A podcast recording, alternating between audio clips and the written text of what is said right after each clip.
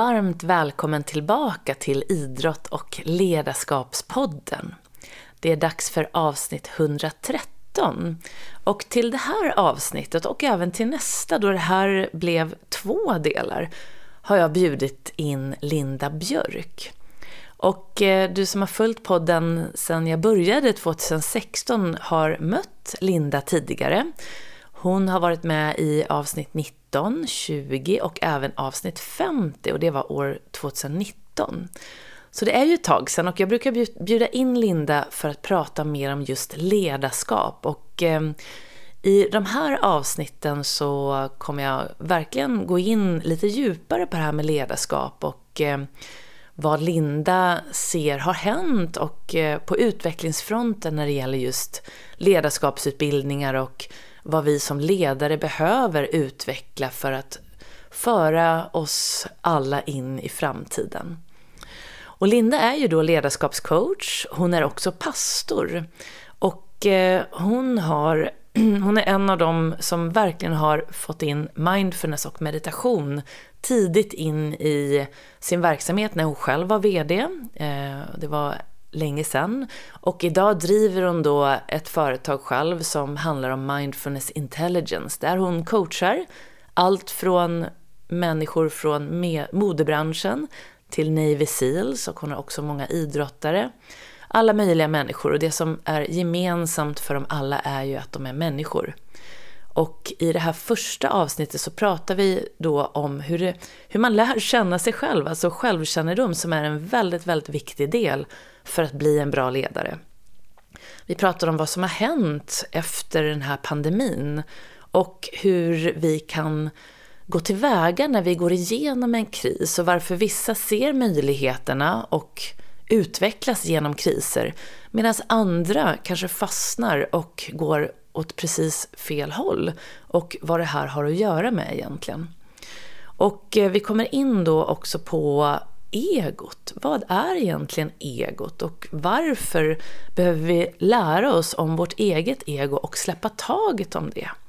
Och hur gör vi då för att också släppa taget om egot för att istället börja leda och leva ur perspektivet vårt sanna jag istället? Så det blir mycket om ledarskap, vilka ingredienser vi kan eh, rikta in oss på för att bli en bra ledare. Och Linda har ju då sedan vi pratade sist då utvecklat ett nytt ledarskapsprogram också som heter Leaders of Leaders. Så jag kan verkligen varmt rekommendera dig att eh, gå in och läsa lite mer om det på Lindas hemsida www.lindabjörk.org. Och den 13 april startar den här svenska delen upp. Så på slutet av det här avsnittet pratar jag lite mer om det också. Men nu, den här första delen av eh, Linda Björks eh, deltagande här i podden är på väg att starta. Så jag hoppas att du nu kan luta dig tillbaka, ta några djupa andetag och så önskar jag dig en riktigt, riktigt trevlig lyssning. Nu kör vi!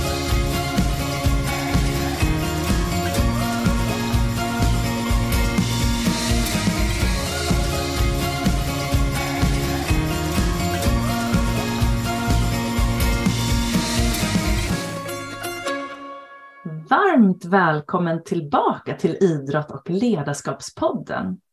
Det är dags för avsnitt 113 och i det här avsnittet är jag väldigt glad att få presentera min gäst för dig, nämligen Linda Björk. Och eh, Linda har ju varit med här i podden tidigare. Det var avsnitt 19 och 20 och det var 2017 och sen var det avsnitt 50 år 2019. Så det har ju hänt en hel del sedan dess. Men för dig som inte då har lyssnat på dem så kan jag säga att Linda är den för detta vdn som i tidig eh, i tidigt stadie skulle jag säga kallas för the meditating CEO. Då hon tidigt förstod då vikten av mindfulness och medveten närvaro för att nå framgång i affärslivet. Och då jobbade hon framgångsrikt som vd i över tio år och idag jobbar hon med att lära ut sitt egna ledarskapsprogram som heter Mindfulness Intelligence till företagsledare världen över. Hon har skrivit en mycket populär bok som heter Inner Business som handlar om hur du tar hand om just den här inner businessen för att nå yttre framgång och varför du ska lita på magkänslan och lära dig fokusera på rätt saker. Och här är vänlighet en av de viktigaste verktygen som du har. Och i det här avsnittet kommer vi gå igenom vad som hänt sedan det här då, både i världen och inom ledarskapsområdet. Vi kommer in på det som kallas heart-based leadership och hur du som både individ och ledare kan lära dig att nå din fulla potential inifrån och ut. Och Linda brukar säga att hennes uppdrag är att höja vår medvetandenivå och allt det här kommer vi att prata mer om idag. Linda bor i New York, eller utanför New York nu för tiden, med sin dotter, sin hund och katt. Och idag är Linda med via Zoom, just från utkanten av New York kanske man ska säga. Varmt välkommen Linda! Åh, tack, tack så hjärtligt. Och apropå min hund, så om det är någon som snarkar i bakgrunden så är det alltså inte jag, utan det är den. så att vi vet det. Um, Lion King. Men uh, tack Jenny, super, super kul. Jag har verkligen sett fram emot att prata med dig igen. Och det är inte klokt att det är tre och ett halvt år sedan vi pratades vid sist. Det är nästan som att man blir eh, dagvill, men det är tidsvill med covid. Tiden, jag är jättedålig på att gissa tider. Så kul att vara här igen ändå. ja, Nej, jag blev också chockad när jag tittade på mina senaste anteckningar från vår senaste träff här. Att det var 2019. Jag trodde att det var kanske förra året eller förrförra. Ja, ja du ser. Men här där, är... Därför har det ju hänt en hel del. Men vad säger du, Linda? Vad är, det som, är det någonting som du vill lägga till till att börja med i min presentation av dig? Nej, det var toppenbra. Det är jättebra, verkligen. Mm. Och du har ju flyttat sen sist. När vi pratade sist, då bodde du liksom mitt i New York och nu bor du lite utanför. Så vart är det som du bor nu? Nu bor jag i Greenwich, Connecticut, så det är 45 minuter norr om stan. Det är en annan stat, så det var krångligare att flytta än vad jag hade tänkt mig. Som svensk så tror man att det bara är att du vet, flytta från Stockholm till Uppsala, men så var det inte. Utan, men vi har ett ehm, eh, otroligt eh, härligt, eh, jag skulle vilja säga småstadsliv, men det är så nära New York och det är ett sånt eh, stort metropolitan typ av område här ändå, men det är mycket lugnare både för nervsystem och eh, det känns som ett spännande nytt kapitel efter, eh, vad är det, 26-27 år i Manhattan. så. Ja, herregud, så coolt. Ja, känns jätte, jättekul verkligen. Och här låter allt som har med New York och närheten till New York att göra känns liksom bara coolt när man är, sitter här i Sverige och i Stockholm. Ja, det känns ganska coolt. Alltså efter all den här tiden, även nu när jag åker in till New York och har luncher eller har möten, så um, alltså det känns ju fortfarande, efter all den här tiden, som att man är med, är med i en film. Mm. det är någonting med det hela som är... Men det är också någonting med energin i New York som är som, som säger allt är möjligt. Och um, det är en otroligt häftig energi att ta del av och bli påfylld av. Så mm. det gör jag gärna fortfarande. mm.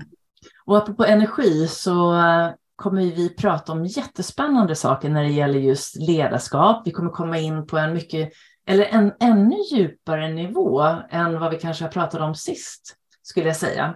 Och eh, vi sa ju det precis innan vi började att vi ville verkligen poängtera att det kanske blir lite djupt idag. Vi får se. Jag tror att det kommer bli fantastiskt. Men mm. eh, ja, så det är en resa och apropå energi så kommer det vara en, det är en stor del av allt som har med människor och ledarskap och så att göra. Um, men jag tänkte ändå börja med, innan vi kommer liksom dyka in i ledarskap och um, det här som jag berättade om i presentationen så undrar jag lite grann vad du gör just nu. Hur ser din dag ut idag? Idag så ehm, alltså jag, jag lever ju ett småstadsliv nu, så jag kör bil när jag ska till ställen. jag kör bil till skolan. Och, eh, en otroligt mysig, jag började med en ny kund idag och vi klient kanske man säger. Och eh, det är så underbart att jobba med både individer och grupper. Så jag har gjort det idag. Jag har förberett för vårt samtal och um, jag åt soppa till lunch och sen så åt jag som vanligt um, eh, vad heter det, almonds, eh, mandlar med mjölk, eh, mörk choklad runt. Dark chocolate almonds, det är min stora grej. Så att jag, det känns som en otroligt bra dag. Ja. det känns som, ja. Och dagarna som, när man jobbar som jag gör hemifrån och um, åker till mina kunder och klienter, Säger man kunder eller klienter? Hur... Det där är ju alltid, det är alltid spännande. Jag tror att man säger lite både och. Jag hade en mental tränare här som jobbar väldigt mycket liknande dig. Han sa att han kallar sina, eh, sina liksom elever, eller jag säger ju ofta elever, men han kallar dem för coachingpersoner. Coachingpersoner, okej. Okay. Så det var ja. ett annat ord, men eh, jag tror att vi, vi vet ju vad vi menar, eller hur? Och ni ja, som lyssnar vet att... Ja. men vad som händer är att eh, det, det, det, det, är som att man går från rum till rum. Jag är oftast i samma rum, men helt plötsligt är jag i ett sammanhang som kan vara otroligt djupt och prata med evolutionary leaders och eh, förbereda för stora events som handlar om, jag jobbar nära eh, en indianstam här som heter Ramapo Lenape Indians och eh, är Eh, väldigt nära the, the chief, eh, hövdingen. Det, det, låter lite annorlunda på, på svenska. hövdingen av en indianstam.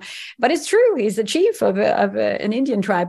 Och, um, och, och, vi ska då, och vi håller på att förbereda för en um, vattenceremoni som, som är i uh, samband med ett um, event för FN. Och, och, och, så fokuserar jag på det och så har jag då en ny coachingperson, en ny kund, elev. Eh, och så hoppar jag in i, i hennes värld. Och så har jag ytterligare ett samtal som har med någonting helt annat att göra. Så det känns som att eh, världen blir så rik från samma plats. Och, och jag känner mig otroligt tacksam att få vara, att få vara del av det på, på det viset. Och så hann jag skriva lite mer på en, den, den nya boken som jag håller på att skriva med en eh, Eh, ja, en partner, får jag väl då säga, i, eh, i det här sammanhanget. Och eh, vad underbart, vilka världar. Vilka, jag, jag, känner mig otroligt lyckligt lottad som får eh, jobba med det jag älskar, vilket är, inte nog med att det är den mänskliga potentialen, men att det finns den här eh, supermänskliga delen av oss, den större, den djupare, där man både säger högre och djupare på samma gång, för det blir så stort så man vet inte vad man ska använda för ord. Och, ehm, så, så jag... Ehm, det är i det lilla och det stora som det blir så vackert. Så det mm. är inte bara idag, utan en ganska typisk dag för mig. Mm.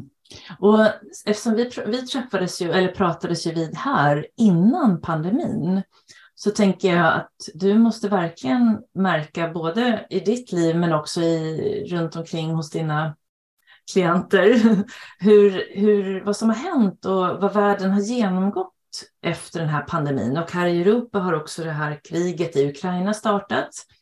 Ehm, och eh, jag tänker, har, vad tycker du är den största skillnaden idag jämfört med för då tre och ett halvt år sedan innan pandemin när det gäller just de du träffar i ditt jobb?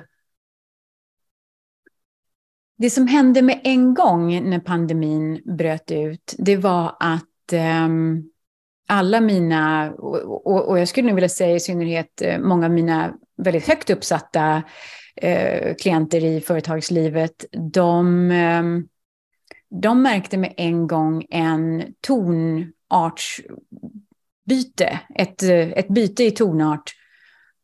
Därför att helt plötsligt så var det okej okay att fråga människor hur de mår. Hur är det med din mamma? Hur, har, hur går det med barnen? Kan de gå i skolan? Nej, de måste vara hemma. Hur funkar det? Vad behöver du för att vi fortfarande ska kunna jobba tillsammans?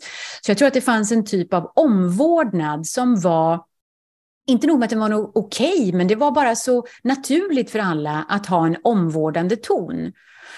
Och jag tror att som med de flesta kriser så kommer de som en möjlighet till utveckling. Det betyder inte att alla tar, tar sig an den möjligheten och gör någonting av den möjligheten, men många gjorde det.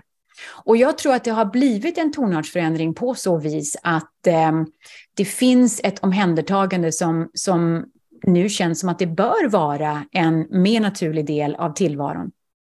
Sen finns det de som reagerar på ett mycket mindre medvetet sätt till kriser och som går in i överlevnadsinstinkt och ehm, där kan vi bli ännu tuffare. Vi kan bli ännu hårdare.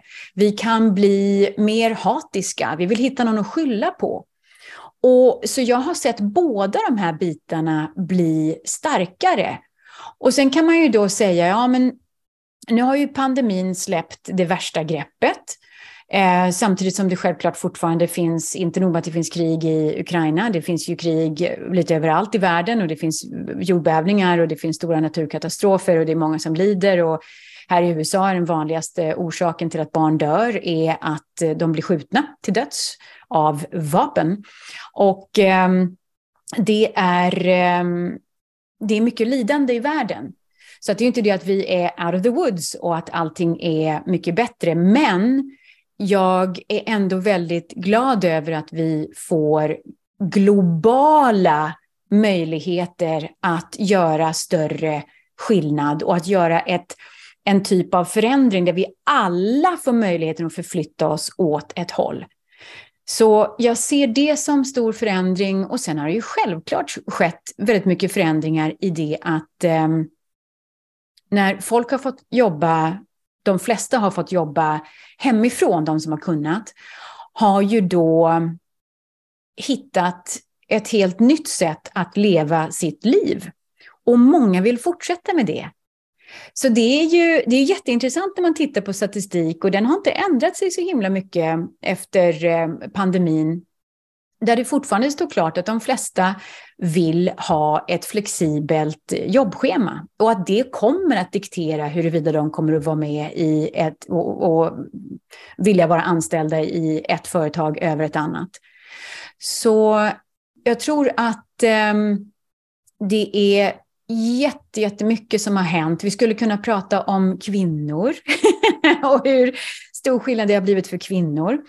För att det är ju fortfarande så, även i Sverige som är ett väldigt progressivt land och, och mm, självklart ännu mer så när man tittar i andra länder som inte är lika progressiva, så är det ju på kvinnans lott och mammans lott som det har eh, hela hushållet och barnens välfärd under eh, pandemin har fallit mycket, mycket mer på mamma än på pappa eller andra. Så kvinnor har valt lite annorlunda än män till följd av pandemin. Och det är det vi pratar om väldigt aktivt här nu i USA är hur många högt uppsatta kvinnor det är som väljer att lämna corporate America. Och det är alltså många högt uppsatta kvinnliga chefer som säger upp sig. Och sen när man tittar på unga kvinnor här i USA så är det väldigt många som eh, blir entreprenörer, som inte vill passa in, som inte vill vara med i den typ av corporate structure som är uppsatt här. Och jag, jag skulle bli förvånad om det är väldigt annorlunda i Europa faktiskt. Det, det verkar vara väldigt eh, liknande statistik och undersökningar när man tittar på det. Så att så lite grann det beroende på vart man tittar, eh, hur det är för kvinnor, hur det är för kanske äldre personer, men också många som bara har flyttat från storstan. nu gjorde jag det i och för sig alldeles nyligen, men, men, men vi är många som har valt att eh, pandemi eller inte, verkligen titta på vad behöver jag i mitt liv. Så att jag, jag, det här är en stor utmaning för systemet och det är en jätte jättemöjlighet för människan i, mm. i business. Mm. Och det är så, det där du sa nu precis med att det är fler, som, fler kvinnor som blir entreprenörer som lämnar sina anställningar. Det hörde jag precis på radion igår. Igår var ju internationella kvinnodagen när vi nu spelar in det här idag den 9 mars. Ah, så, det. Och det, det berättar de här också, att det är fler kvinnliga eh, fler kvinnor som startar eget idag än tidigare. De hade en siffra på 40 procent eh, jämfört med 20 procent eh, som det var då för, jag tror att det var kanske tio år sedan, så var det 20 procent som startade som var kvinnor och nu är det 40 procent. Så det höjs hela tiden och det är en bit kvar tills att det ska bli lika. Men att det verkar höjas. Sen är det ju, så det är ju jättespännande att möjligheter har getts till många fler på grund av att man också kan, nu kan jobba hemma mer. Man kan mm. köra den här 50-50 balansen som de flesta företag verkar ha valt ändå efter pandemin. Ja. Sen vill jag faktiskt lägga till en sak därför att um, det är så populärt att, att, titta på kriser som what doesn't kill you makes you stronger, right? Just det. Mm. Och um, det skulle ju alla med PTSD inte håller med om.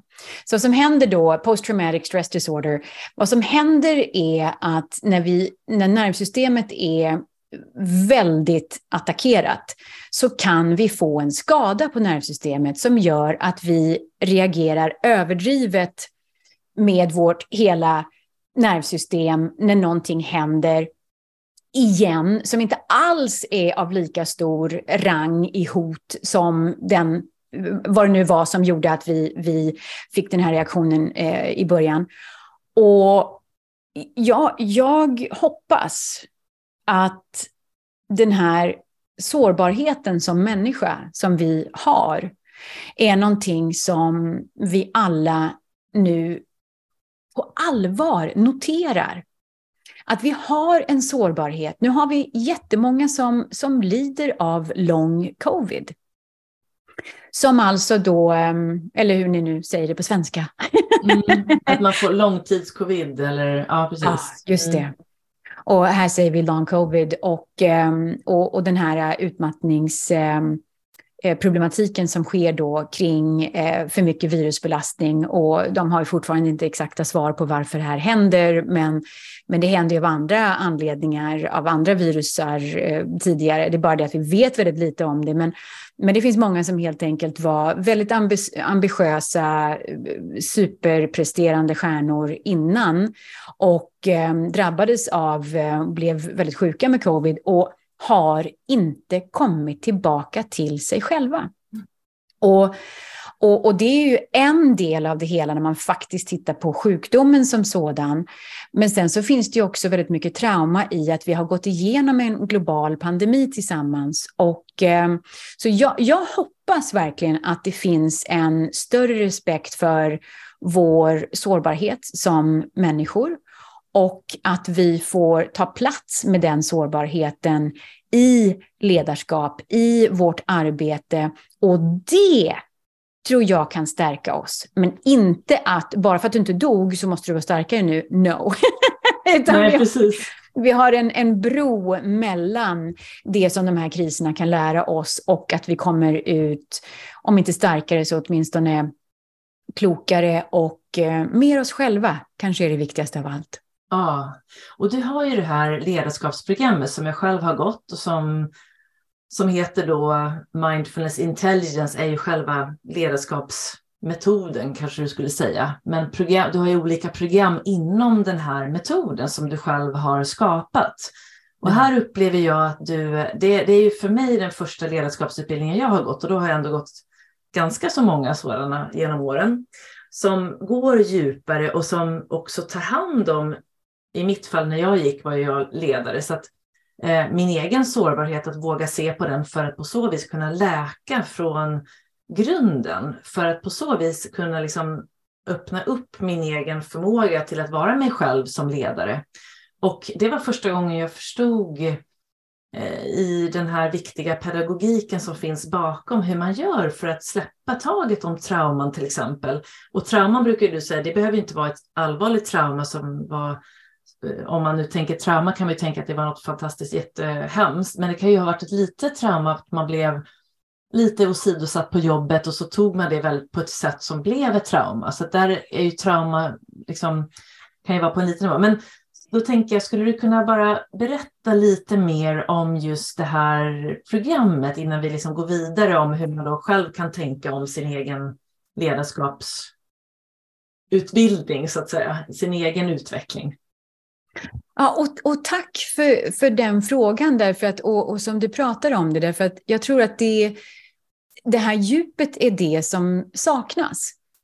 Och jag, jag ser så tydligt att behovet av att förstå vem man är i ledarskap är fundamentalt för att klara av den typen av press som nutidens ledarskap kräver och som framtidens ledarskap kräver. Så att jag, eh, jag ser ju på affärsvärlden väldigt mycket fokusera på, på vad och hur. Vad ska vi göra? Hur ska vi göra det? Vad ska vi göra? Hur ska vi göra det? Och, och ledare har ju, om man säger rent generellt sett, fokuserat väldigt mycket på att bli bättre på vad ska vi göra?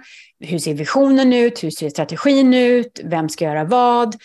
Och hur ska det här gå tillväga? Och så ska man då hitta bäst talang för att satisfiera svar på frågan hur. Så vad och hur?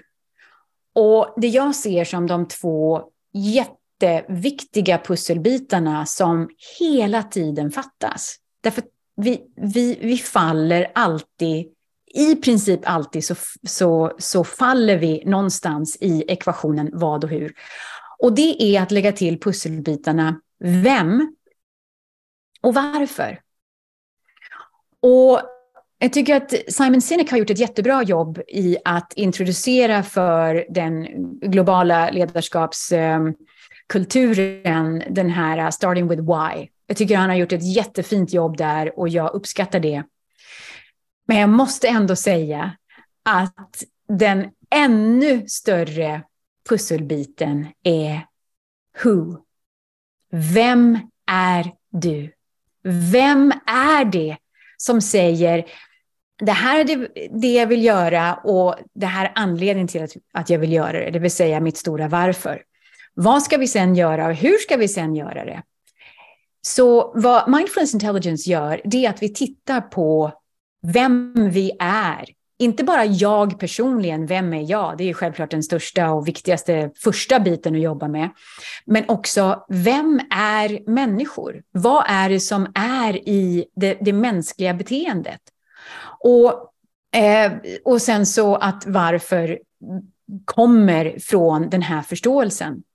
Så inom Mindfulness Intelligence så har jag några olika ledarskapsprogram. Och och jag utbildar helt enkelt ledare i självkännedom.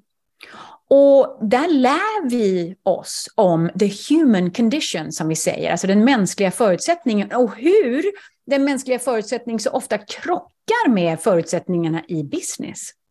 Så både affärsliv och ledarskap kräver någonting av människan som människan inte är helt byggd för. Så att vi måste förstå vad, vad det är som blir i den här eh, kraschen mellan och när vi då i utbildningen förstår det, så kan vi ju börja med det som är super, super roliga, roligt. Och det är ju att, att vända oss till superhuman possibilities.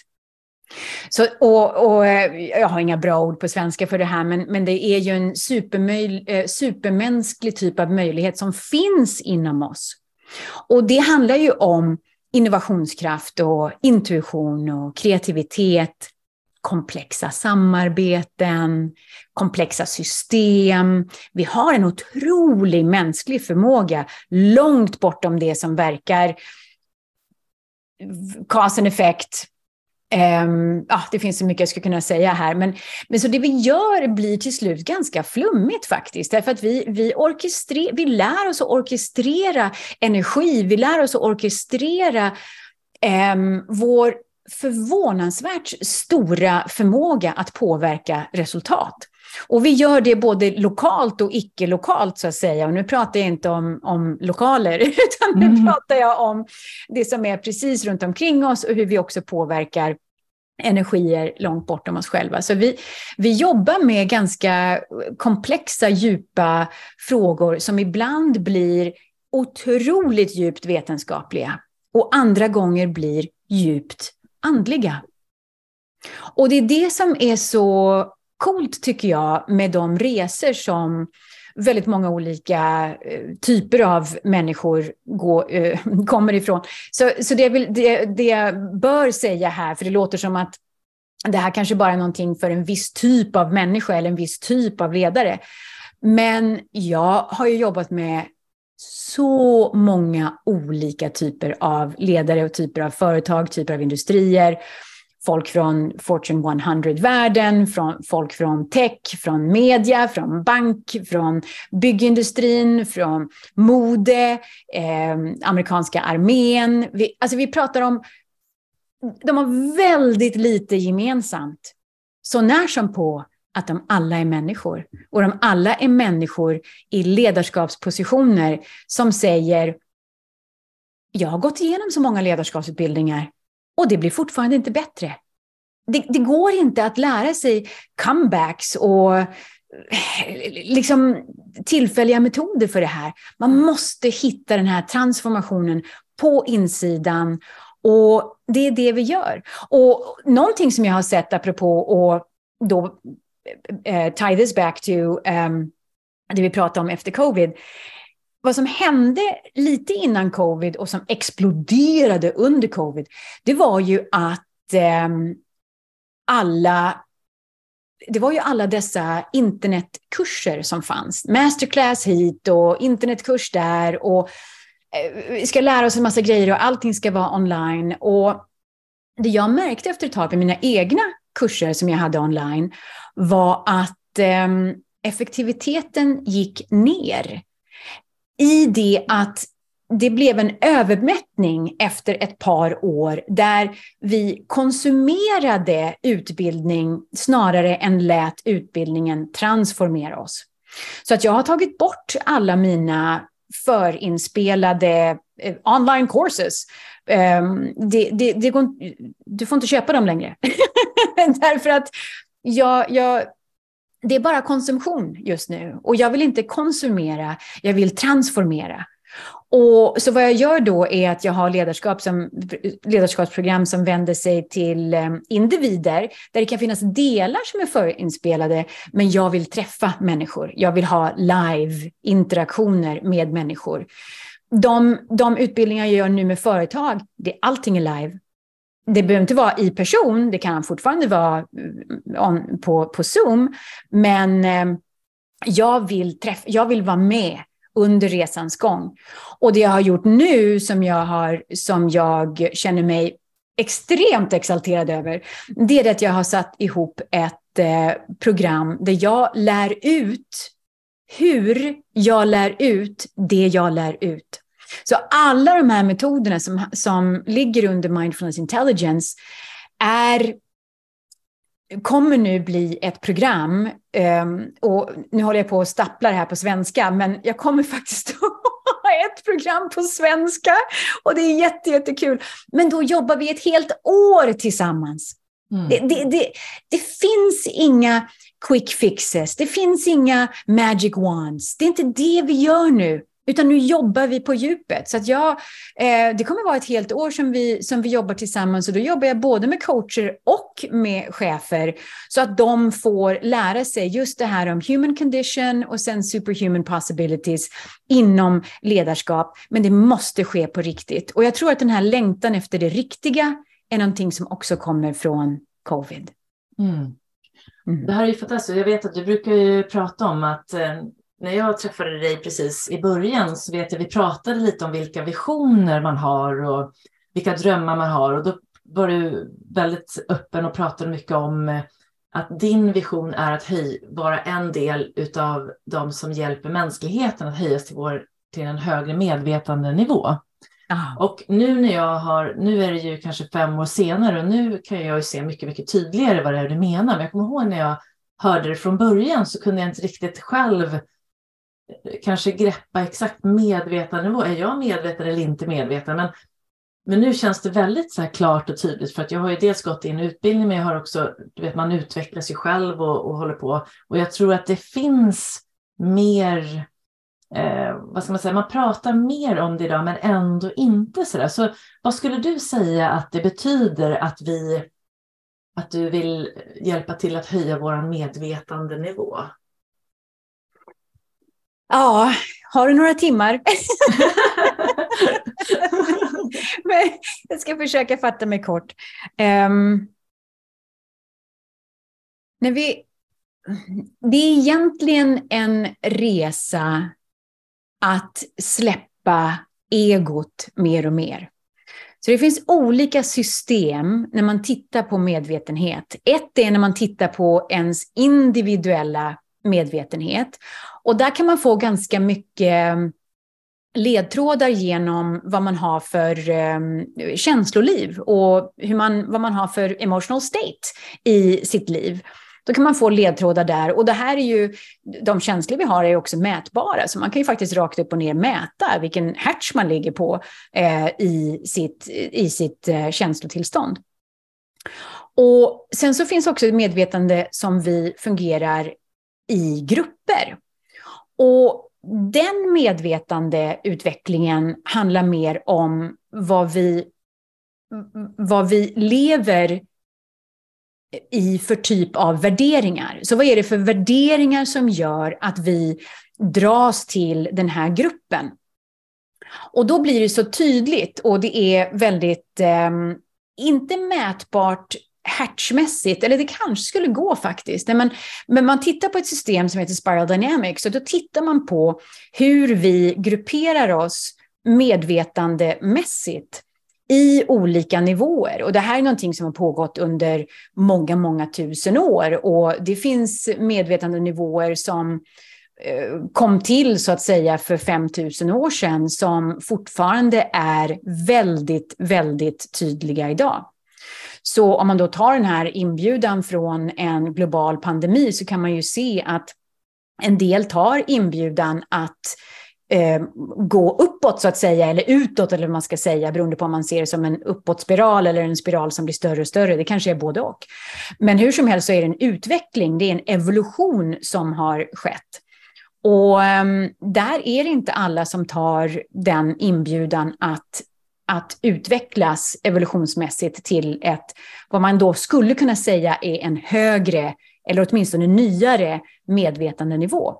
En del väljer att, inte nog med att de eh, inte utvecklas, de blir mycket, mycket mer, eh, de uttrycker det, det stora negativa, det väldigt mörka som finns i den medvetandenivå som de är på. Så det här skulle jag ju förstås kunna eh, prata länge om, men det är en, vad jag menar när jag säger att jag vill bidra till den här eh, medvetandeutvecklingen i världen, det är det att det går att utveckla sig själv. Och det finns en stor anledning till att vara med i evolutionen av mänskligheten och att gå åt eh, det nyare hållet, så att säga, att vi går framåt istället för bakåt. Och att vi kan göra det från ett personplan. Och som vi då blir medvetna om hur världen faktiskt fungerar. Innan jag hade den här typen av kunskap så, skulle, så hade jag så mycket frustration över alla idioter i världen som gör det ena och det andra. Och hur kan de här göra det där? Och hur kan de göra det? Nu är jag så upprörd över det. Och det visar sig att det finns otroligt bra förklaringar till det här.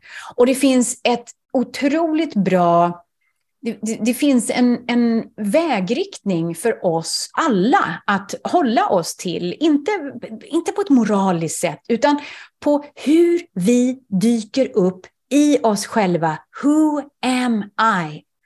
Och det som är riktigt coolt inom det här systemet, det är ju det att eh, det finns vad man kallar för en, ett första steg, the first tier. Och, och det är egostyrt. Men sen finns det ett second tier, där man släpper mycket av det här. Och jag ser att de absolut bästa ledarna är på den den första, det första stadiet i den andra, uh, the second rung, jag vet inte riktigt hur man säger det. The, uh, the andra first nivån. Year, ja, andra nivån, tack. Ja, nivån, ja. ja. Och um, om jag kan hjälpa ledare att uh, hitta den här uh, djupare, större, mer autentiska biten inom dem själva. Så att de kan bidra till en positiv evolution i vår mänsklighet.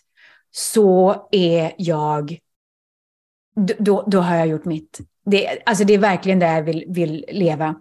Och då kan man ju fråga sig, ja men hur vet du att alla människors eh, sanna jag på något sätt skulle bidra till det här på ett positivt sätt? Det finns ju så många elaka jäklar. Och det är sant. Men det är inte dem. Utan det är deras, det är inte deras sanna jag. Allas sanna jag har någonstans med kärlek och ljus att göra. Mm. Och det är där jag börjar låta som en hippie. Och det är där det blir lite problematiskt med språket. Därför att um, det är därför också som jag är så tacksam över att um, vetenskapen har nått dit den har. Och att um, akademiska studier har nått det, dit det har nått. Och att vi har ett vetenskapligt och akademiskt språk för att stödja det vi någonstans alltid har känt på oss.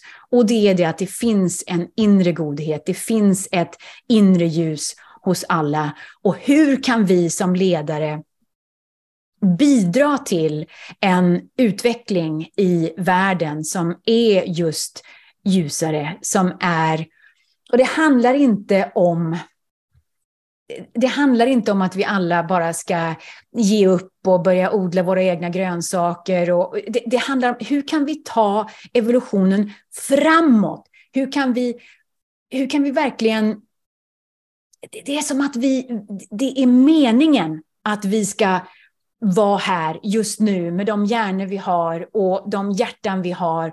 Och så kan vi faktiskt påverka även med, du vet om, det, om, om man har en, en ett eh, skepp som ska åka i en speciell riktning och så, an, så vänder man navigationen bara en grad, bara en grad, så kan man ham hamna 200 mil från, ens, från den, den eh, eh, the original direction. Bara för att vi ändrar, vi ändrar lite grann och det är det här som evolutionen ber om just nu. Kan vi ändra lite, lite grann så vi hamnar någon helt annanstans? Och det vill jag vara med och, och vara med om. Ja, det är så fantastiskt. Och vet du vad jag läste om just det här med att bara ändra en liten grad? Det var i den här boken Atomic Habits av James Clear. Han ja. har skrivit en bok om just det här, vad som gör att, vad är det som gör att vi kan ändra? Vi vet ju oftast vad vi vill göra, vad vi behöver göra, men vi kanske inte gör det. Hur mm. får jag in den där nya vanan egentligen en gång för alla? Och då nämner han just det här, han använder väl flygplan tror jag, att man liksom, om man riktar den en grad åt ena hållet, då hamnar man på en helt annanstans än om man då till exempel väljer en annan riktning eller rakt fram.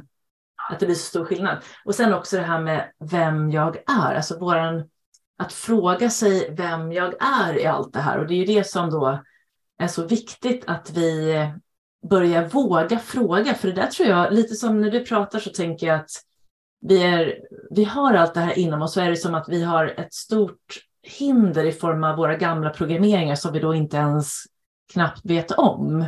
Och eh, vi kanske har då ett nervsystem som då är överbelastat. Hela världen har ju någon form av eh, sympatisk överdos eller överslag liksom, istället för att vara på det här lite lugnare parasympatiska hållet. Och eh, man är omedveten av vad som finns inom oss. Man går liksom runt lite som, du vet man brukar tänka på eh, filmen Matrix, att vi, vi har allt det här och så bara är vi, vi förstår liksom inte. Men när man börjar skala bort den här, som att man skalar av, skalar löken, ett skal, ett skal i taget. Och så helt plötsligt då så har man liksom kommit in till kärnan. Men det är då vi behöver göra arbetet själva. Och det är där det är så viktigt att ha någon, att få inspiration, eh, både som ledare och jag tänker också eftersom den här podden heter ju Idrott och ledarskapspodden. Du vet, när vi börjar nu prata om egot, vad egot står i vägen för den inre potentialen för idrottare, eh, likväl som ledare, det är ju något enormt. Vad jag kan se även i, i min roll som ledare, att det finns ju så mycket om man lär sig förstå dels hur vi fungerar som människor, men också vad egot är för något. Och nu har vi börjat prata lite om egot kontra vårt sanna jag. Så jag tänker, skulle du bara kunna säga, när någon nu lyssnar så kanske man tror att egot är den här du vet, självsäkra personen som går runt och tycker att man är bäst i världen och liksom verkligen så uppblåst och du vet, det är ju på något sätt någon bild av ett ego.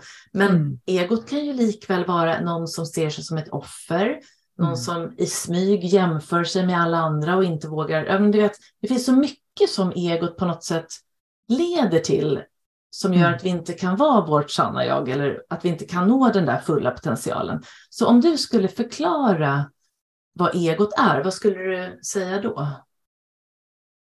Jag tror att du har börjat i en väldigt bra ände, vilket är det att eh, det finns ju en neurologisk verklighet där eh, så, så det finns ett psykologiskt svar.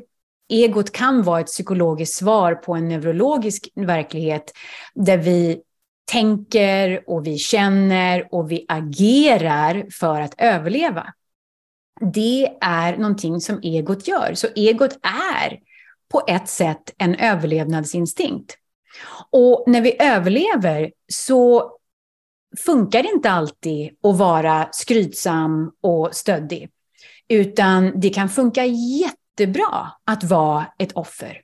Det kan funka jättebra att eh, aldrig växa upp, att vara superbarnslig. Och ehm, så egot gör det som fungerar för mig. Så egot är väldigt, eh, för det är det en överlevnadsinstinkt gör. Vi, vi vill överleva som individer. Och så som alla överlevnadsinstinkter så är de bra på just den funktionen. Och sen är de skitdåliga på när vi vill till ett högre medvetande, när vi vill ha en högre kvalitet av liv. Så om du vill gå från survival till um, thriving så måste du släppa på egot. And here's why. Precis som du sa så kan ju egot komma upp i olika skepnader. Och vi brukar prata om the three C's of, of uh, ego på, på engelska, eller jag brukar göra det. Och det är competition, comparison och contrariness. Och vad blir det då? Det blir um, tävling, jämförelse och um, att man är motvalls. Så det finns ju, och, och, och, det här är ett sätt som egot dyker upp. Vi, och, och, det är lite mer vanligt för kvinnor att jämföra sig, medan det är, det är ett ego för en kvinna. Och det är lite mer vanligt för män att tävla, och det är så egot dyker upp där. Och att vi är motvalls, det, det, det gör vi, vi alla på... Det, det är lite mer eh, hen över det. så det blir han, hon, hon och hen mellan tävling, jämförelse och att vara motvalls. Och, och, så det är så egot dyker upp, för att den tror att den behöver göra det för att överleva. Och det blir ju en stor programmering från det att vi är barn. Det är okej att vara ego när vi är barn.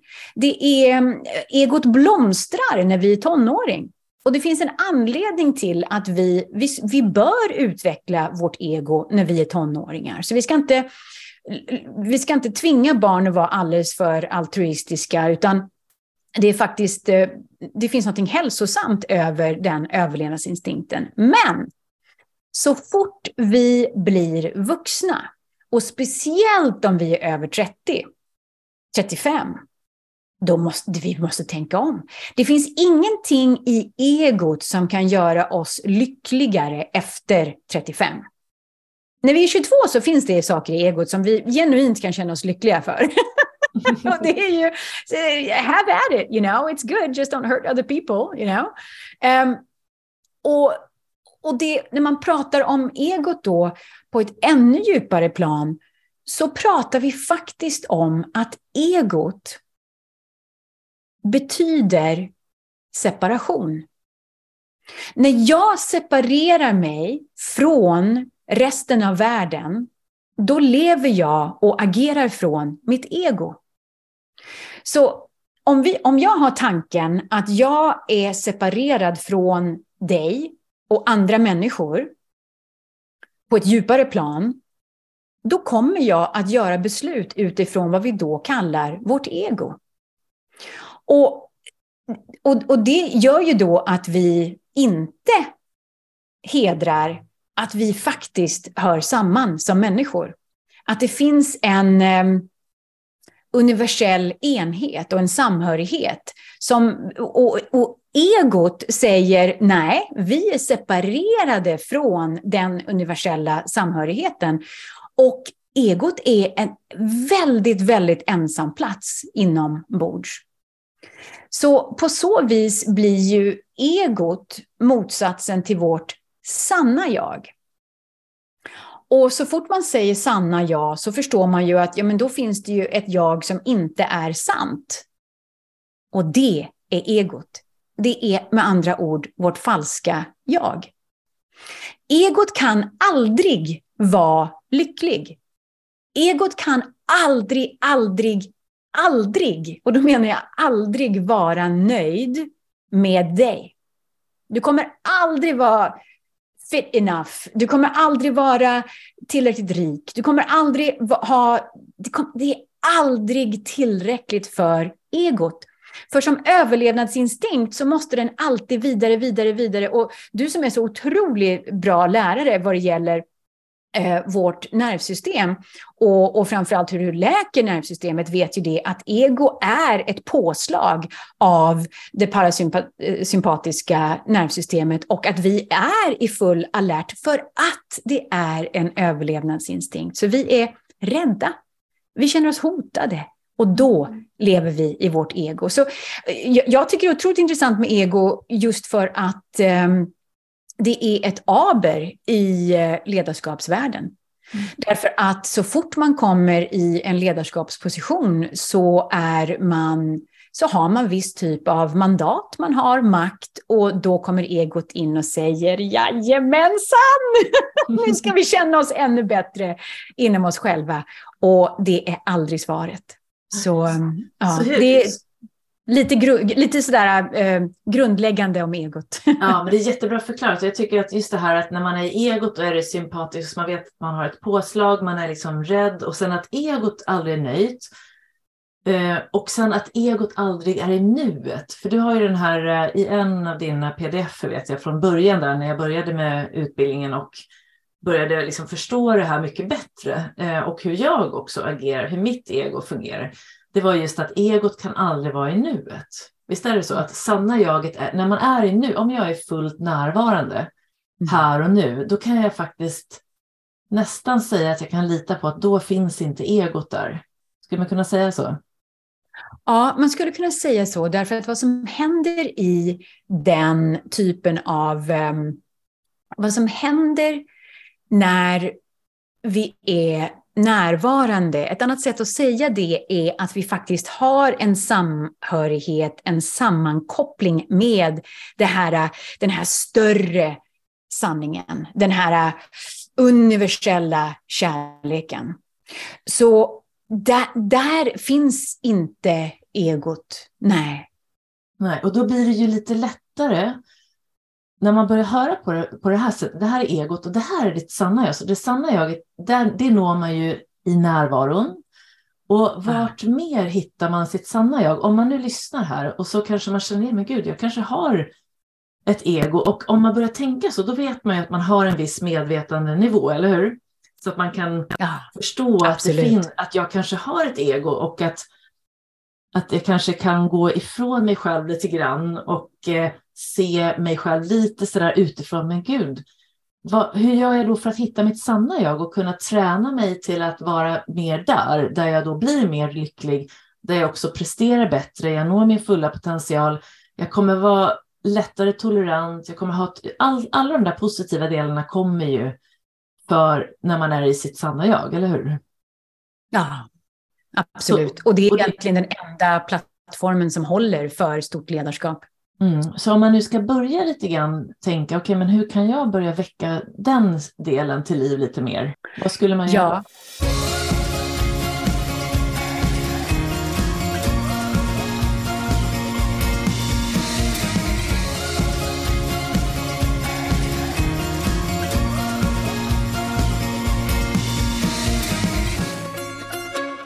Då har du fått lyssna till mitt samtal med Linda Björk och det här var då del ett av två. Och eh, nu hoppas jag att du blir nyfiken och vill hänga med också tills näst, till nästa vecka där vi fortsätter det här samtalet om ledarskap, om hur vi når vårt sanna jag och lär oss både leda och leva från vårt sanna jag istället för från egot. Och eh, i nästa avsnitt så fortsätter vi också prata om hur det går från hjärna till hjärta. Och jag kommer också in en hel del på det här med hur idrottare och även golfare då kan lära sig utav det här perspektivet av att både leva men också prestera med fokus i hjärtat istället för hjärna. För att verkligen prestera på topp. Och så kan jag då varmt rekommendera dig att gå in då på Linda Björks hemsida, www.lindabjörk.org och läsa lite mer om hennes utbildningar och framförallt då den här utbildningen Leaders of Leaders som jag själv kommer att då gå den 13 april började jag. Så jag har ju gått hennes tidigare utbildningar och det här är då en utveckling av det kan man säga. Så jag ser mycket fram emot det. Och är du nu en ledare själv, en coach, så kanske du också blir nyfiken. Så kan jag rekommendera dig att hänga med där. Och hon har en infoträff den 23 mars. Lyssnar du på det här i efterhand så har de här eh, datumen kanske gått förbi. Men när det här släpps så är det den 17 mars. Så då har du några dagar på dig. Och det här är ju då år 2023. Och sen vill jag också nämna det här med självkännedom. Så att inom den mentala träningen så jobbar vi ju alltid ut efter olika grunder till att börja med i alla fall. Och den första är ju avspänningsträning där till exempel meditation ingår, fysisk och mental avslappning. Den andra delen heter självbildsträning. Så du som har min bok Stolt, stark och säker eller kanske tränar med mig när det gäller just eh, mental träning så handlar självbildsträningen om just självkännedom också. Och eh, det finns också ett avsnitt här i podden där jag har gått igenom de här olika övningarna som jag har tagit med för att eh, stärka din självbild. Då. Och eh, det är avsnitt 54. Så du kan ju gå in och lyssna där också om du blir nyfiken på hur du kan börja träna för att stärka din självbild. Så med det sagt så önskar jag dig nu en fortsatt trevlig dag eller kväll. Vill du veta vad som är på gång i min verksamhet så går du in på www.jennyhagman.com. Jag har också en workshop faktiskt vill jag nämna här som är på gång om grunderna i mental styrka med ett medicinskt yogapass för mental styrka. Och det är den första april. Det är bara tre timmar, en workshop. Vi hänger tillsammans på Danderydsgatan 2, mitt kontor här i Stockholm. Så är du nyfiken och behöver landa lite i dig själv och samtidigt få några av de här viktiga ingredienserna till hur du bygger upp din mentala styrka så häng jättegärna med där så du kan anmäla dig då under boka på jennyhagman.com. Och så kan du följa mig på Instagram på snabela Jenny Hagman. Och där är du alltid varmt välkommen. Så ta hand om dig nu och så hoppas jag att vi ses snart igen. Hejdå!